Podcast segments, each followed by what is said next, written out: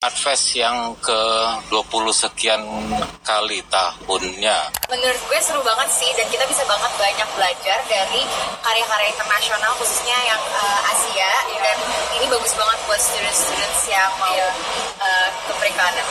Dan kita juga bisa bandingin uh, karya-karya yang di global tuh udah kayak apa sih biar kita tahu standar yang harus kita lewatin. Thailand tuh emosional banget. Iya, mungkin karena cocok dengan kultur mereka.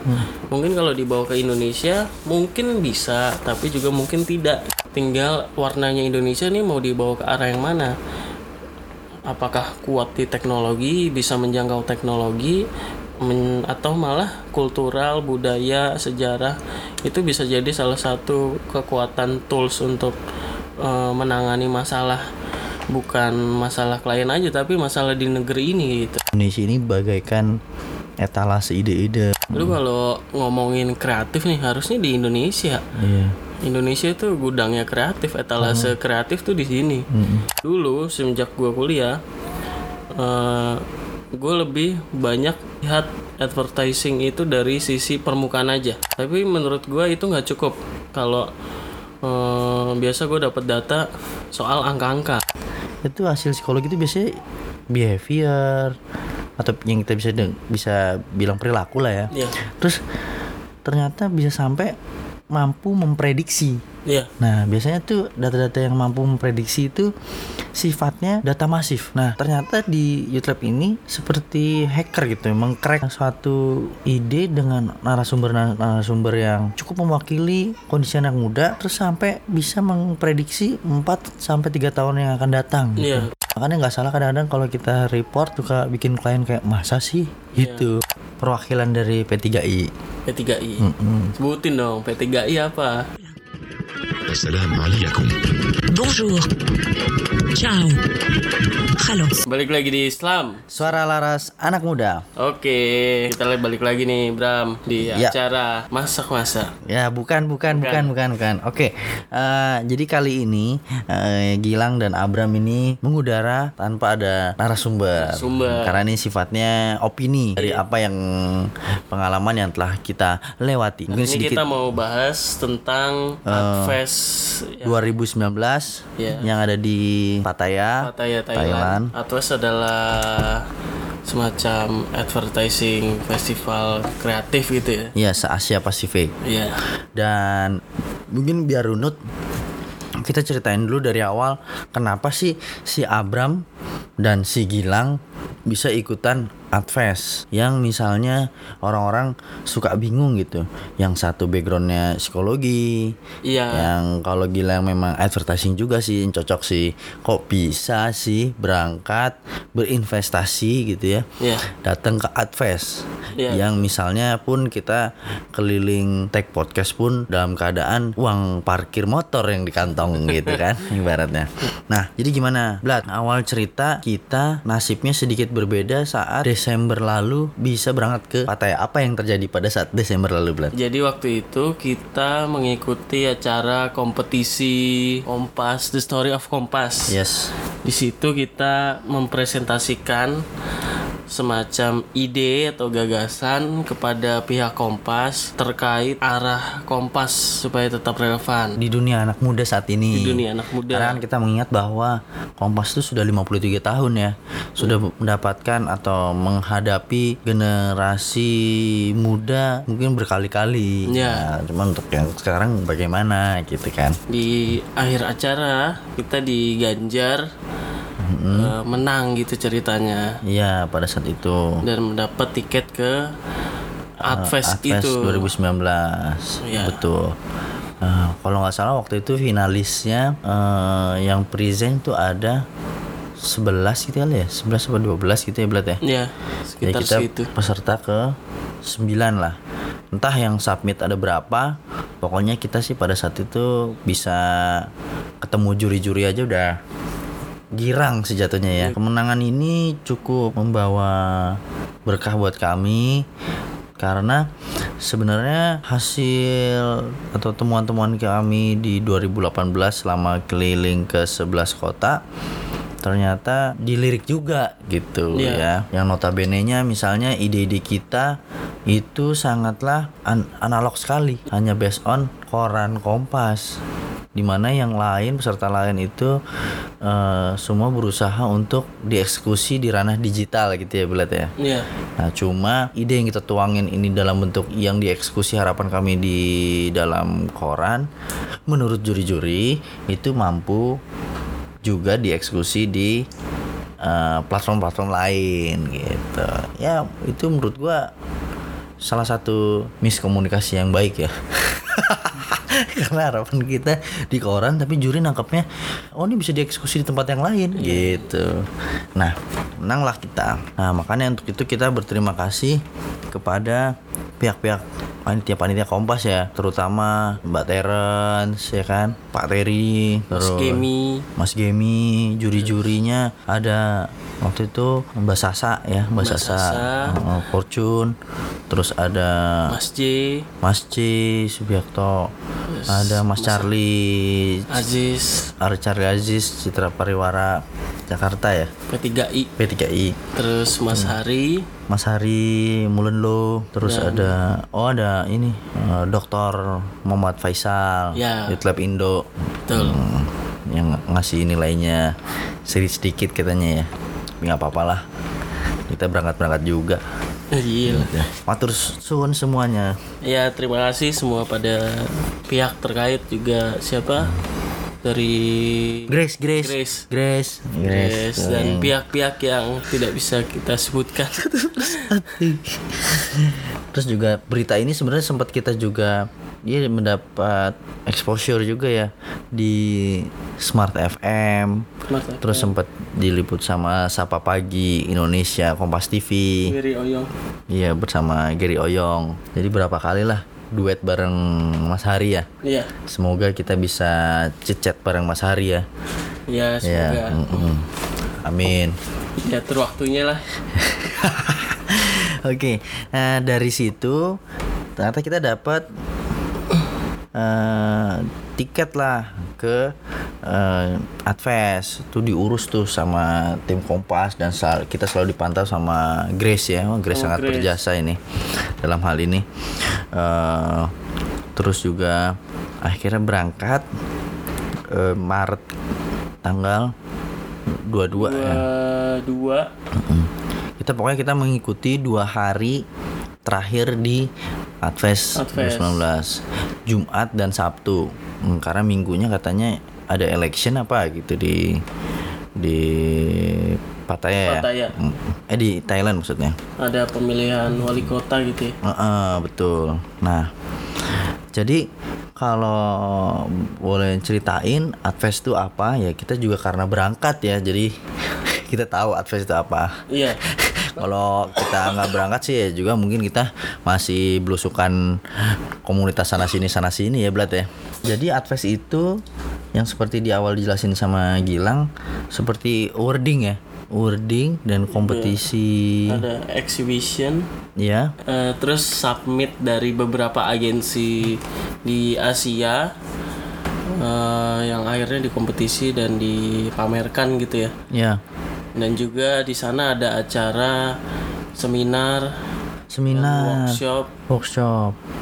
Empat hari berturut-turut. ya menghadirkan beberapa pelaku agensi dari seluruh dunia mungkin ya. Iya iya betul betul betul seluruh dunia karena juri-jurinya juga ada dari New York. Iya. Ya semua semua Jepang juri dari semua meskipun skupnya Advest ini sebenarnya se Asia Pasifik jadi Asia dan mungkin Australia gitu Australia. ya Hmm, terus kemudian yang bikin kita terkesima gitu karena kita datangnya di hari ketiga dan keempat gitu ya dua hari terakhir kita langsung datang ke eksibisinya jadi kita lihat karya-karya yang disubmit sama mereka lah. Nah, jadi kita sempat mengkategori gitu ya. Mengkat bikin kategori ala selam. Jadi kalau dilihat ada Asia dan ada Australia gitu ya Belet ya. Kalau yang Australia dia lebih menekel isu-isu sosial. Nah, jadi eksibisinya itu ada tiga bentuk. Jadi pertama campaign, mm, campaign berupa campaign bentuknya. Kedua itu print ad. Jadi kayak poster gitu print ad. Di retouch gitu biasanya Uh, gitu. print advertising. Terus ketiga TVC Jadi kayak iklan TV gitu. Jadi iklan dari beberapa negara. Nah menurut eh, kita ngeliat banyak banget karya-karya itu dari print ad TVC dan eh, apa campaign yang mana menurut perspektif kami Australia, Australia lebih banyak menekel isu-isu sosial. Jadi ada salah satu kampanye dari salah satu agensi di Australia membuat satu kampanye tentang membantu masyarakat yang kelaparan. kelaparan lah itu. Oh itu dari Food Bank. Food, Food Bank. Bank. Iya benar-benar. benar. Jadi kalau teman-teman semua bisa bayangin, yang dia lakukan adalah eh, di supermarket. Nih teman-teman bayangin supermarket, terus ada cereal breakfast. Iya. Nah, itu kan macam-macam tuh ada yang gambar koala, ada yang gambar beruang, ada yang gambar ayam jago. Nah, dia membuat satu box ya, satu box cereal itu dalam bentuk gambar hitam putih, terus dengan mangkuk kosong, Dan, Dan- isinya juga kosong. isinya juga kosong. Jadi benar-benar Tapi ada harganya gitu. ada harganya. Harganya kalau nggak salah sekitar 5 dolar ya. 5 dolar. 5 dolar. Jadi ternyata itu ada sebuah gerakan yang dibentuk orang untuk eh, membantu orang-orang kelaparan dengan membeli kotak sereal itu ya Blat ya. Sereal. Food Jadi- bank. Ya. Hmm. Kalau teman-teman kesulitan untuk membayanginya sebenarnya bisa aja kunjungi akun Instagram kita di Selam Indonesia di postingan kita yang eh, Maret tanggal 27. Nah, di situ ada gambarnya. Kot- Kotak sereal yang kosong itu. Terus abis itu di Australia juga Oh terus ini yang keren adalah biasanya kan kita kalau kumpulin sumbangan kan via apa namanya Instagram atau via web atau Iya. dalam bentuk digital ya. Nah ini tuh si Hungry Puffs ini yang kosong itu eh, dia ngumpulin orang-orang untuk berkontribusi bahkan tabungannya tuh melebihi dari crowdfunding kebanyakan gitu. Iya. Jadi dia udah bisa melebihi. Ini keren banget. Terus abis itu sampai dia mengklaim bahwa dia mampu men take over 100.000 ribu anak-anak yang kelaparan. Lebih dari 100.000 ribu anak yang kelaparan. Iya. Itu kampanye kampanyenya cukup sukses Hmm. di Australia karena bu memberikan langkah konkret. Betul. Kampanye sangat konkret. Tidak un, hanya untuk kepentingan klien tapi juga kepentingan eh, masyarakat kebanyakan di sana yang membutuhkan. Ya. Terus gue juga ingin meng-highlight ada satu lagi Blat yang isunya yang di tackle sama agensi Australia itu. Gue nggak tahu deh ini kayaknya menangnya pun juga mungkin dapat bronze kali ya atau silver. Jadi namanya ada Univers Universal Language of Pain. Jadi kebanyakan mungkin ya mungkin eh, di Australia itu dia banyak melakukan kayak entah pengobatan keliling gitu ya. Pengobatan keliling itu ke pelosok-pelosok. Terus mereka kesulitan untuk mendeskripsikan eh, sakitnya tuh rasa sakitnya seperti apa. Kalau di Indonesia nih ya, pusing misalnya. Pusingnya pusingnya cenat-cenut, pening apa ngejambak. Nah, iya nggak ya? Nah, si diwakilkan lewat simbol gitu ya. lewat simbol. Jadi orang-orang yang kesulitan dalam mendeskripsi itu kasih poster gitu ya. Suruh ngerasain tuh. Kira-kira saya gimana? Apakah terbakar? Apa cekit-cekit tertusuk paku? Apakah seperti di Palu? Nah, itu sekitar ada 13 13 gambar lah yang dipaparin. Jadi orangnya tinggal yang di pelosok tinggal kayaknya yang ini nih gitu. Sekali lagi kalau teman-teman mau gampang bayanginnya kunjungin aja eh, akun Selam Indonesia di Instagram di postingan Maret tanggal 27 gitu. Terus apa lagi? Nah di Australia itu pokoknya kebanyakan mereka itu melakukan eh, apa ya eh, bentuknya menekel isu sosial. Ya. Ada yang menolong orang yang eh, suaranya hilang. ya jadi teknologi dipakai untuk nolong orang yang suara hilang. Jadi teman-teman kalau ingat Stephen Hawkins dia ngomong suaranya kayak robot. Nah di Australia itu ada salah satu teknologi yang dikembangkan eh, hingga hingga mendapat respect dari banyak orang karena dia bisa ngembaliin suaranya si orang itu dengan eh, bukan suara robot jadi jadi kayak suaranya dia yang lama. Jadi record record suaranya dia yang lama. Ngetiknya masih pakai mata sih ya.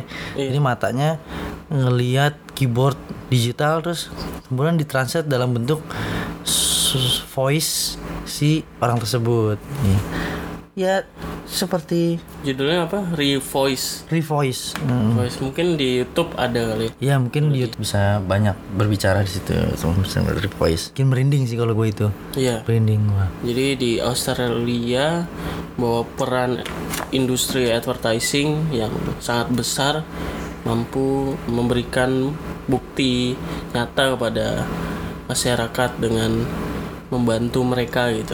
Iya, tuh. Nah, yang mungkin nyerempet-nyerempet kita nih, karena memang kita mungkin di Asia juga kali ya. Iya. Nah, bahwa di Asia itu mereka menggunakan kult- Pendekatan. pendekatan ya approach kultur dan beliefs Ya. yang mereka eh, percayai dan ini sifatnya kalau ngomongin kultur pasti kan iya memang ada yang universal tapi kultur kan milik sekelompok atau komunitas atau grup di negara itu sendiri kan ya? Nah yang lu highlight apa Blad? Dari karya-karya kemarin. Karya-karyanya kemarin. Misalnya kayak Thailand, mereka ada salah satu karya dari salah satu agensi. Dia menekel isu bahwa di Thailand sedang masa transisi dari uang fisik ke uang digital, Ah ya ya ya terus terus. cashless gitu ya. Ah, Lalu gimana caranya untuk mengajak masyarakat untuk berpindah dan memiliki kepercayaan untuk memakai uang digital. Mereka menggunakan pendekatan belief itu. Ada satu icon yang mewakilkan bahwa kayak icon itu dijadikan kayak patung di toko-toko gitu mm-mm. di kasir dekat kasir atau di di setiap toko bahwa icon itu dipercaya oleh masyarakat Thailand sebagai membawa keberuntungan icon itu. Jadi orang-orang merasa percaya gitu. Iya ya jadi pendekatannya lewat beliefs ya. Ya, yakin gitu untuk berpindah. Dari yang pakai cash jadi enggak gitu ya lewat itu. Terus juga yang gua highlight tuh ada di eh, Sri Lanka. Apa Di? Sri Lanka itu dia menggunakan beliefs reinkarnasi yang diterapin di chat. Chat. Jadi kalau orang-orang di Sri Lanka itu ternyata ibadah itu kan menggunakan bunga, kembang-kembang Mm-mm. dan setiap hari orang ibadah, datang berkunjung beribu-ribu orang berganti-ganti. Nah, kembang-kembangnya itu kan selalu dikasih yang fresh. Jadi kan kembang itu kan datang terus habis itu dia harus dibersihin kan. Nah, ternyata yang dibersihin itu dia pilah-pilah, Blat. Yang putih-putih, yang merah-merah, yang kuning-kuning. Nah, itu dieksekusi oleh si salah satu produsen cat ini jadi warna sesuai kembangnya. Ya. Nah, itu seperti reinkarnasi karena apa? Bukan sebagai jadi catnya, tapi cat itu juga mereka sumbangsi juga ya. Cat-cat itu untuk dikembalikan ke kuil-kuil tempat mereka beribadah. Ya. Jadi buat ngecat apa namanya relief Budanya warna kuning, eh, ya relief-relief kusennya atau ya macam-macam hal itu sih. Iya. Jadi ini seperti bentuk reinkarnasi yang dialami oleh bunga menjadi cat cat untuk tempat ibadah itu sendiri gitu. Jadi circle itu yang mereka bangun. Buat gue sih keren sih keren banget. Terus ada juga di Cina, di negara Cina bahwa anak-anak sedang mengalami masalah eh, tidak mau makan nasi gitu ceritanya. Ah, ya, ya, ya, ya. Terus, terus, terus. Mereka lebih suka makan makanan kayak pizza Iya, terus benar. mano- makanan burger burger. Nah, gimana caranya menyelesaikan permasalahan itu? Si agensi di China ini menggunakan pendekatan Hmm, pahlawan-pahlawan Cina pahlawan-pahlawan Cina. Jadi menggali sejarah-sejarah tokoh-tokoh tokoh-tokoh di Cina ya ya untuk terus ditransformasi karena ini sifatnya buat anak-anak terus tokoh-tokoh Cina itu ditransformasi ke dalam kartun ya Iya, kartun. kartun terus abis itu kartun-kartun ini atau tokoh-tokoh kartun ini diceritakan kembali mereka siapa terus abis itu dia aplikasikan ke pendekatan yang lebih dekat dengan anak dengan menceritakan bahwa mereka itu ada di kemasan nasinya ya Iya. Hmm, jadi mendorong anak-anak untuk makan nasi kembali. Iya benar-benar benar itu benar itu Blood. Gue setuju banget tuh yang itu. Karena dia ngangkat sejarah dan heroes yang mereka harus tahu kan. Harus tahu. Tapi eh, dari kultur-kultur ini ada beberapa juga Blat. Ini lu paling senang waktu cerita ke gue di sana nih. Eh, bahwa ada isu homogenitas. Iya. Nah, jadi isu kalau kita kan negaranya heterogen banget. Nah, ada beberapa negara tuh yang punya isu homogenitas tuh cukup kental gitu ya. Cukup kuat. Terus cukup kuat. Akhirnya mereka eh, mencari bukan mencari perbedaan, tapi maksudnya kayak mencari bahwa mereka tuh juga beda-beda dan perlu diangkat. Contohnya yang di Cina lagi ya, Blat ya. Di Cina Apa di Jepang sih Coca-Cola tuh? di dia di Cina. Cina ya. Akhirnya dia mengangkat icon-icon yang ada di Cina gitu. Misalnya ada panda, ada menara yang ada di Cina, terus ada benteng dan mereka semua mengaplikasikan bangunan-bangunan tersebut ke dalam toko nggak toko fiktif ya maksudnya kayak gambar orang terus wajahnya kosong gitu ya. Tapi maksudnya kalau disesuaikan karakteristiknya orang dengan atribut panda, orang dengan atribut menara tersebut gitu. Nah ini mengangkat bahwa di Cina tuh ada banyak macam-macam yang bisa dia di diangkat ke permukaan, ya kan? Iya. Terus juga sama yang di Jepang ya Blat ya. Di Jepang itu Hmm. mereka menggunakan juga sama ya isunya Iya. homogen. ho- homogenitas juga. Terus dia menggunakan pendekatan bentuknya krayon. Benar. Krayon itu Yang lucu tuh warna warna-warna krayon itu kan biasanya kan merah, kuning, abu-abu, ungu gitu kan, biru.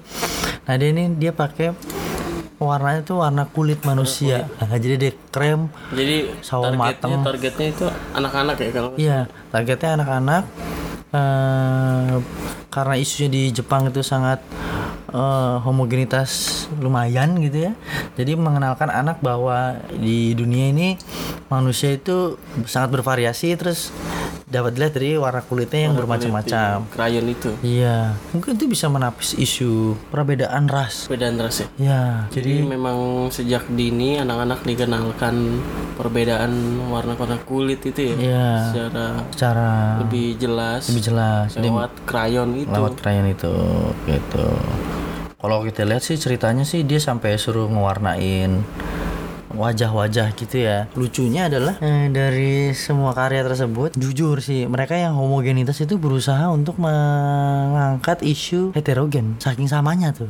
Padahal kalau kita menilik ulang bahwa Indonesia itu super heterogen. Banyak value yang beda-beda dari orang yang beda-beda value-nya bisa saking saling tukeran loh sampai kita untuk mencari sebuah kesamaan yang yang bisa dipahami untuk satu bangsa satu negara itu Indonesia punya tuh Blan. Harusnya jadi patokan negara-negara lain ya.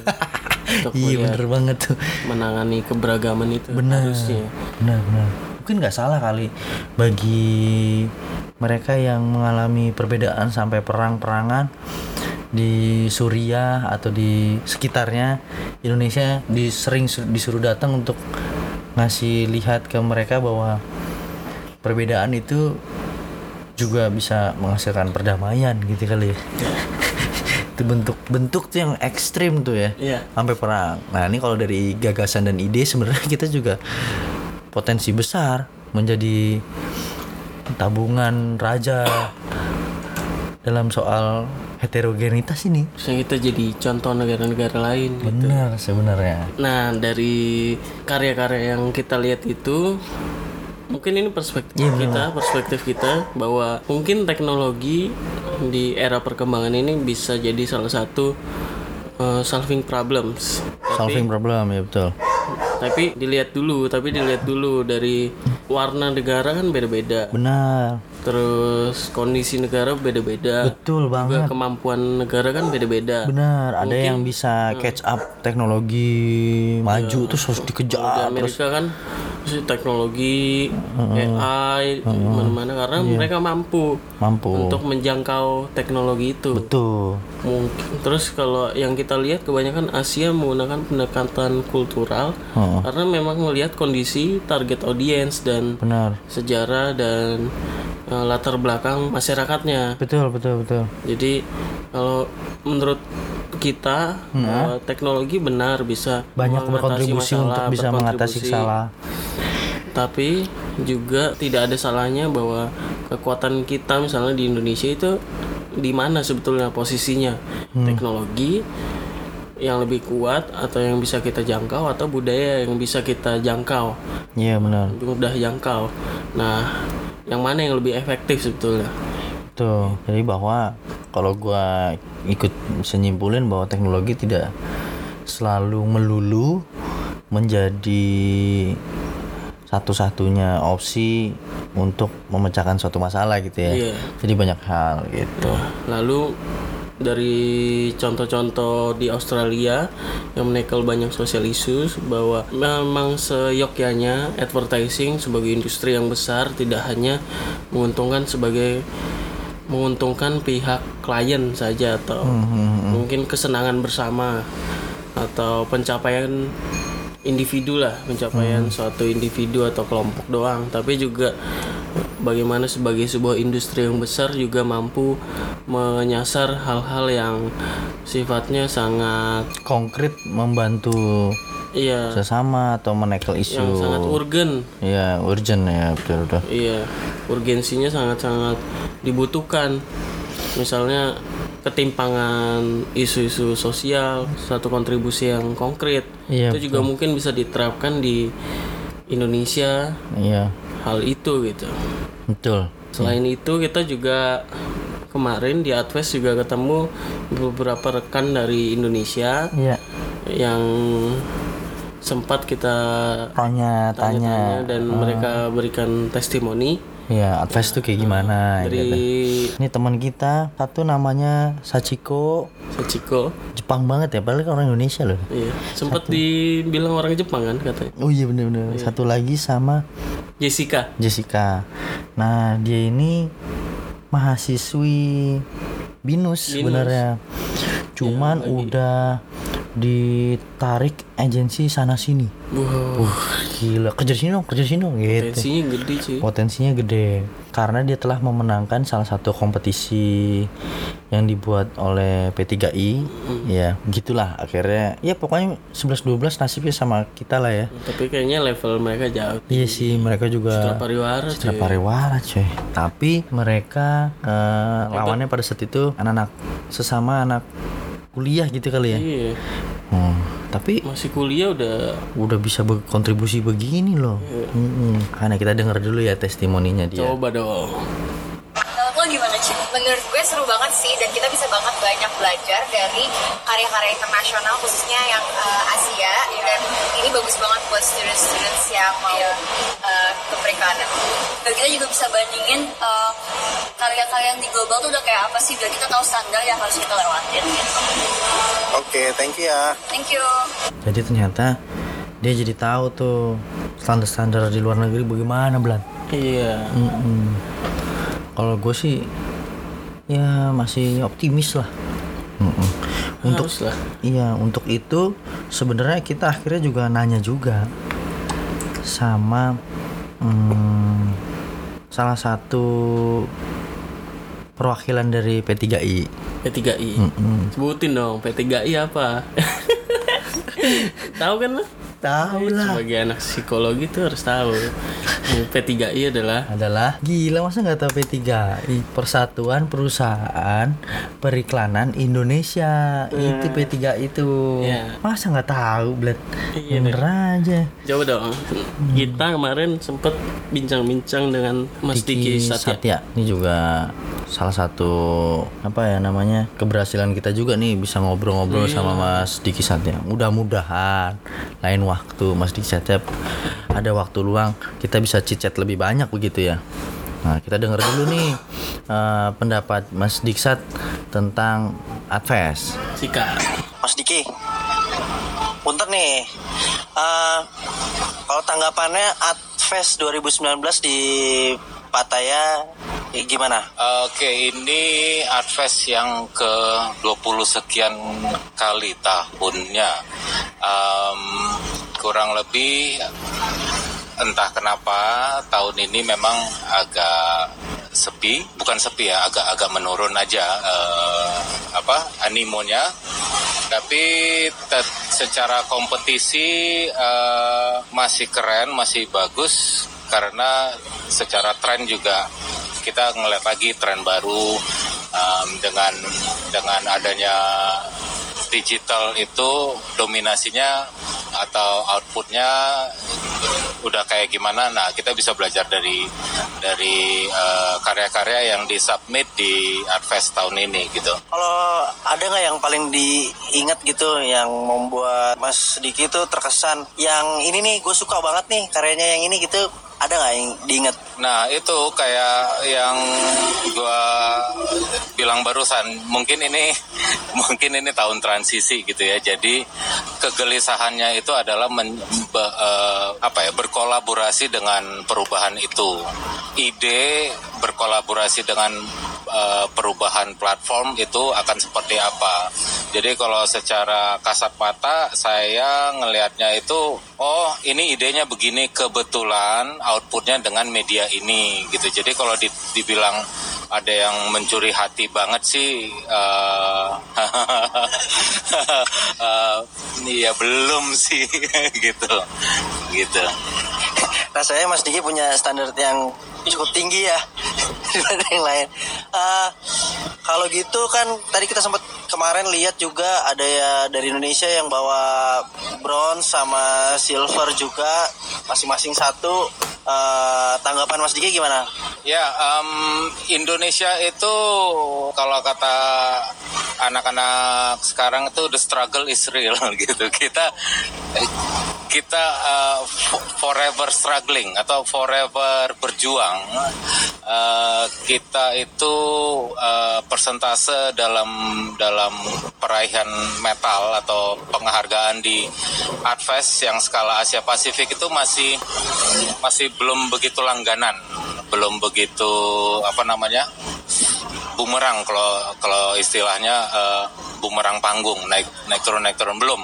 Tapi em, cuman tahun ini cukup senang eh, dengar ada tiga finalis dari dari Indonesia, ada submission dari Gojek, Gojek Creative Lab, ada Vlog, ada Hakuhodo Indonesia gitu.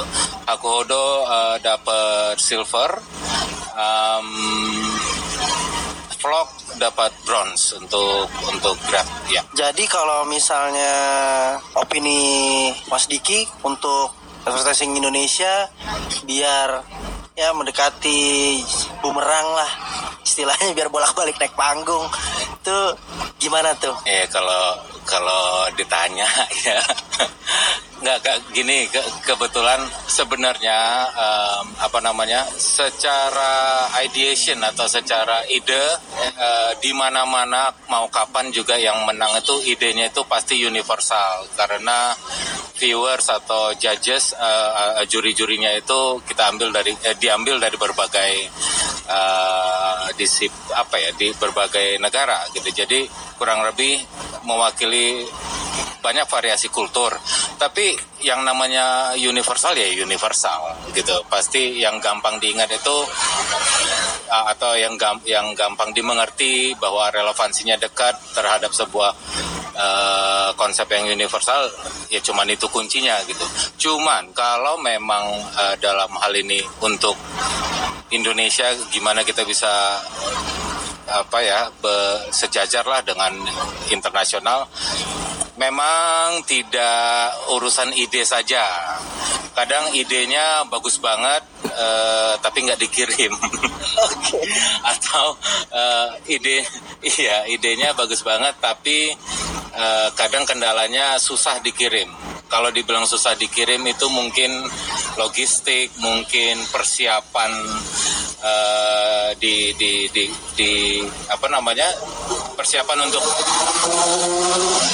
persiapan untuk mengirimnya. Artinya memang itu butuh beberapa biaya butuh alokasi biaya butuh eh, apa namanya budget budgetnya eh, effort effortnya itu nggak nggak sekedar ide. Ada budget terus ada keabsahan pekerjaan tersebut gitu Eh, terus ada apa lagi ya ada effort effortnya itu cukup banyak sih jadi ya kayak aku bilang tadi eh, ide saja memang ide bagus tapi kalau nggak dikirim ya ya wassalam Oke deh. Thank you ya Mas Dik Diki. Semoga bisa bergulir terus nggak wassalam lah. You Mas Diki. Thank you uh, untuk Slam, Gilang dan Bram uh, enjoy. Mudah-mudahan dapat pencerahan yang asik. Amin. Nah, itu dia tuh tadi dari Mas Diki Mas Satya. Diki Satya bahwa dia bilang dia nggak bisa milih nih banyak karya banyak ide juga platformnya beda-beda nah Benar. ke depan nanti mungkin juga tantangannya akan tetap sama kayak gitu kan Betul. maksudnya platform akan ber- berubah-berubah mungkin sekarang lagi eranya menuju kembali ke analog kali ya Mm-mm. Iya. Ya. podcast kembali muncul. Nah, mungkin itu akan merubah eh, tantangan lagi tuh Betul. bagi dunia industri periklanan ini gitu. Ini kalau menurut gua, gua cukup banyak eh, ikut kompetisi dari sejak kuliah gitu dan mungkin puncaknya kompetisi yang gua capai ini adalah sebenarnya Adfest sih. Ya. Nah, terus sebelum Advest itu gue sempet di Youth Lab dan banyak belajar tentang nggak cuman marketing dan periklanan tapi juga bicara riset dan hal lain gitu. Iya. Nah, hal lainnya itu yang gue dapat adalah cerita-cerita tentang Republik, tentang Indonesia, tentang sejarah Nusantara dan juga budaya. Hmm. Nah, dulu semenjak gue kuliah, eh gue lebih banyak lihat advertising itu dari sisi permukaan aja. Hmm. Bahwa di permukaan, di sosial media, si karakter-karakter orang gue bisa dapat dari sosial media. Tapi menurut gue itu nggak cukup. Kalau eh, biasa gue dapat data soal angka-angka, Iya. karena kadang itu efektifnya hanya sementara Betul. kampanye itu efektifnya hanya sementara. Terus gue kemudian mengenal Youth Lab, gue banyak berangkat eh, menyusun campaign-campaign dan iklan itu berdasarkan data dan itu cukup efektif ketika dikolaborasikan dengan ide dan hal-hal lain gitu. Tapi yang mestinya lebih gila sebenarnya gini Blan Metode yang digunakan Dan bagaimana Mengambil Informasi Yang Tanpa ada Apa ya Seperti kayak kita mengeruk Minyak bumi gitu. Maksudnya kayak Memberikan informasi itu seperti dialog Seperti saling Saling Saling support. Itu Iya. tuh Itu tuh yang kadang datanya kok malah justru malah jadi kalau di psikologi tuh data-data atau apa namanya mm, hasil temuan yang didapat itu hasil psikologi itu biasanya behavior atau yang kita bisa deng- bisa bilang perilaku lah ya Iya. terus ternyata bisa sampai mampu memprediksi Iya. Nah, biasanya tuh data-data yang mampu memprediksi itu sifatnya data masif. Nah, ternyata di YouTube ini seperti hacker gitu, mengcrack eh, suatu ide dengan narasumber narasumber yang eh, apa ya narasumber narasumber yang cukup mewakili kondisi anak muda terus sampai bisa memprediksi 4 sampai tiga tahun yang akan datang gitu. Iya, prediksi tren. Heeh, benar benar benar makanya nggak salah kadang-kadang kalau kita report suka bikin klien kayak masa sih Iya. gitu Nah, karena baru terjadi tiga Itu. tahun berikutnya yang gue bilang permukaan itu karena yang data-data itu yang biasa diambil dulu-dulu tuh diambilnya hanya di permukaan tuh yang terjadi sekarang aja Benar, Maksudnya, eh, apalagi dicarinya lewat eh, survei-survei Survei. dan data-data dan ternyata menurut gue itu efektifnya cuma sementara dan hanya untuk kepentingan hasilnya Iya, hasil dari campaign atau ya Uh, hasil advertising itu tuh hanya untuk kepentingan pribadi terus Evaluasinya klien dia gitu. ya. ternyata semenjak gua kenal Youth Lab itu tuh gue awalnya bertanya-tanya eh, metode menggali data yang konkret itu yang runut itu yang seperti apa? Ternyata yang runut itu merunutkan sejarah dulu tuh gimana terus apa punya rele- relevansi dengan Yang keadaan sekarang. sekarang. ternyata kayak gitu gitu ya Hmm, hmm. Nah, indu- industri advertising kan kita nggak bisa lari dari hubungan manusia kan. Eh, Jadi kayak harus menarik secara tepat memori kolektif suatu kelompoknya itu apa nih yang sekarang gitu ya. ya, Harus melihat dari menelaah ke belakang untuk mampu membandingkan kira-kira situasi yang sekarang tuh mirip kayak apa nih kejadian dulu gitu karena kan iya. sejarah itu kan sifatnya pola kan jadi betul. eh, sangat besar sekali kemungkinan berulang gitu. Tapi Indonesia kan tadi disebutkan bahwa ke depan eh, harus gimana nih Indonesia idenya, platformnya juga berubah. Indonesia warnanya mau kayak gimana? Betul. Karena beberapa yang kita lihat kemarin karya-karyanya ini punten banget nih. Karena sebagian campaign itu berputar-putar di kisaran Jakarta yang mana ketika kita eh gua ngelihat hal itu eh, campaign itu itu belum tentu gue lihat. Tapi dia submit dan di situ katanya impresinya besar. Nah Hmm. tapi bagi di luar Jakarta pun tidak merasakan hal itu. Benar. impresi itu. Jadi mungkin angkanya besar tapi engagementnya mungkin nggak sekuat besar nggak angkanya itu. sekuat itu gitu ya mungkin ya. Nah menurut gua warna Indonesia mau yang kayak gimana? Apakah supaya karena Thailand itu besar industri advertising karena dia mampu punya warna sendiri. Dan jadi patokan dulu gua ngeliat Thailand wih gila keren banget iklan-iklannya Kalau Kayak gua yang awam, emosional banget Ya, gitu nah gua mungkin kalau yang awam ngeliatnya tuh ternyata tuh kayak itu Thailand tuh emosional banget. Iya, mungkin karena cocok dengan kultur mereka. Hmm. Mungkin kalau dibawa ke Indonesia mungkin bisa, tapi juga mungkin tidak gitu. Hmm. Nah, Indonesia warnanya belum tahu nih yang kayak gimana supaya kalau warnanya udah dapat industri advertising di negara lain itu pasti akan menjadikan Indonesia patokan pasti. Iya. apalagi dengan kekuatan kita diversity yang mana negara lain mencoba diversity juga. Terus eh, Indonesia juga selain itu bisa apa? Ini isu sosial banyak banget. Anak muda lagi banyak eh, menggali gagasan mencari gagasan yang sangat dalam eh, lewat sumber-sumber di sosial media ataupun di ruang-ruang diskursus. Nah isu-isu advertising menurut gue nggak ada salahnya untuk menyasar isu-isu sosial tersebut. dan isu-isu yang sekiranya benar salah di masyarakat di anak muda tuh eh, supaya anak muda itu tercerahkan gitu. Yang benar yang mana yang salah yang mana. Karena anak muda lagi bingung-bingungnya makanya gagasan itu gagasan yang dalam itu yang dicari sama anak muda. Tuh mereka cari ya. Nah, tinggal warnanya Indonesia nih mau dibawa ke arah yang mana? Apakah kuat di teknologi, bisa menjangkau teknologi, men- atau malah kultural, budaya, sejarah itu bisa jadi salah satu kekuatan tools untuk eh, menangani masalah bukan masalah klien aja tapi masalah di negeri ini gitu. Betul betul.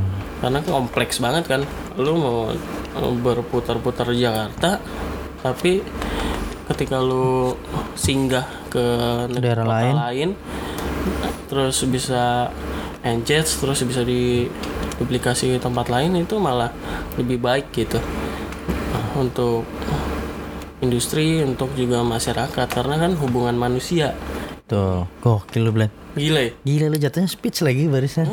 Tapi gua mengamini hal itu sih, mengamini hal itu. Bener banget. Jadi butuh satu kajian yang mem- memancing eh, memori-memori, bukan memori lama tapi memori-memori yang sepatutnya diserap oleh generasi muda kita ya. Hmm. tujuannya apa karena Indonesia lagi ada di bonus demografi kalau memang advertisingnya masih belum punya warna terus anak mudanya juga diajak untuk hanya senang-senang tapi tidak turut berkontribusi juga bagi sesamanya ya selayaknya gotong royong advertising juga harus begitu menurut gua menyasar eh, kontribusi yang konkret bagi anak muda bagi masyarakat bagi isu-isu yang kompleks gitu Benar benar benar. benar. dan mungkin Jakarta jangan jadikan patokan juga untuk eh, melihat wajah Indonesia bagi- tuh Heeh. seperti itu padahal ada daerah lain yang wajahnya itu perlu diangkat dan memberikan gambaran yang utuh menyeluruh wajah Indonesia sih. Iya, karena gue dari Jogja, mungkin bagi para pelaku industri advertising dan juga pelaku pelajar advertising, marketing itu bahwa kita harus eh, punya turut berkontribusi di daerah-daerah sendiri supaya eh, Jakarta nggak jadi patokan juga tapi kita juga bisa beli- kasih warna terus saling mengisi warna-warna itu. Misalnya di Jogja kasih warna apa nih gagasannya? Terus yang di Malang kasih gagasan apa? Pelakunya supaya warnanya itu lengkap nanti. Nah, jadi nggak hanya Jakarta yang memberi gagasan advertising itu harus begini. Padahal di misalnya kita berpindah tempat ke kota lain juga eh, kompleksitasnya beda lagi. Nah, menurut gue harus gitu sih. Turut berkontribusi pelaku-pelaku itu. Jadi nggak cuma salah satu yang memproduksi gagasan aja salah satu kota. Tapi juga daerah-daerah lain kasih kontribusi. Benar benar benar, benar. Dan perlu disorot juga sih, menurut gue perlu disorot juga yang dari lain. Karena kalau mereka sudah berkontribusi tapi nggak dapet spotlight gitu, nggak dapet sorotan ya kurang saling kurang kurang fair atau kurang saling sundul menyundul sih. Iya. Nggak mem- nggak menampikan juga bahwa yang di daerah lain akhirnya jadi mengikuti industri yang besar. Contohnya di Jakarta, padahal mereka yang gue temuin itu hebat-hebat dan idenya juga kadang liar-liar. Dan Liar-liar, gila-gila. Bahkan ketika gue present kita presentasi, gue mengaku orang Jogja, gue diapresiasi karena wah Jogja ini unik-unik ya. Nah makanya itu ketika misalnya orang Jogja atau daerah-daerah lain ke Jakarta itu lo harus punya eh, kasih kontribusi warna. Jangan sampai lo malah Malah jadi terikut arus, terikut arus itu. gitu. Karena harus saling mengisi lah gitu. Iya. Betul, betul, betul, betul. Gila, speech dua kali loh dia nih. Keren. Dan, dan gue tetap mengamini apa yang dikatakan karena ini memang pengalaman yang kita alami dan sedikit mencuplik presentasi kita waktu di Kompas pun juga eh, bukan ide atau gagasan hasil diskusi kita berdua sih tapi karena memang Indonesia ini bagaikan etalase ide-ide dan terlalu banyak bukan terlalu banyak sangat banyak eh, budaya value Iya. yang yang ya ampun tinggal dicuplik gitu tinggal Iya. dicuplik gitu Lu kalau ngomongin kreatif nih harusnya di Indonesia. iya Indonesia itu gudangnya kreatif, etalase kreatif tuh di sini. Apa tukang tambal ban nih tiba-tiba bisa bikin bensin sendiri lewat ini. iya. Itu belajarnya dari mana? Ya memang DNA-nya kreatif. DNA-nya kita udah hebat, udah kreatif. Harusnya kita bisa jadi patokan bagi negara lain. dalam konteks ini ya industri advertising supaya negara-negara lain ad- agensi negara lain tuh bisa jadikan Indonesia patokan karena warnanya memang sudah jelas gitu tinggal kita mau menggalinya nggak sih menyadarinya itu Iya, iya. ini sih opini, Opini kita dari berdasarkan pengalaman dan berdasarkan pengamatan dan juga resource yang mungkin nggak semua bisa kita cuplik gitu. Iya. Mungkin kalau ada pendapat bagi yang mendengar ini Boleh mungkin banget, bisa, bisa- saling sundul, Iya. bisa saling mengisi. Boleh komen ngobrol, di- diskusi gitu kan jadi Instagram kita boleh DM di Islam Indonesia boleh juga kontak untuk diskusi bareng kita juga Mm-mm. terus sedikit menanggapi nih eh, tadi obrolan dengan Mas Diksat itu kita bagaikan di sirkuit Buriram Thailand Apa karena pada saat ngobrol ada bunyi motor Nah, itu tuh itu lumayan tuh kita sangat sedekat itu memang Iya. Mm, dengan sirkuit. Oke you mungkin banget. thank you banget kita sekali lagi mau terima kasih juga kepada, kepada Kompas, Kompas, dan pihak-pihak yang terkait Ya, yang membantu Kompas kita. Muda. yang bisa membuat pikiran kita jadi kembali mikir Iya dong. karena Setiap terpapar oleh mikir. terpapar oleh apa yang kita lihat di Advest 2019. Iya. Hmm, semoga bisa juga harapan kita bisa cicet lebih banyak dengan para juri-jurinya ya. Iya. Oke, akhir kata kita dari Islam Suara Laras anak muda pamit. pamit undur diri.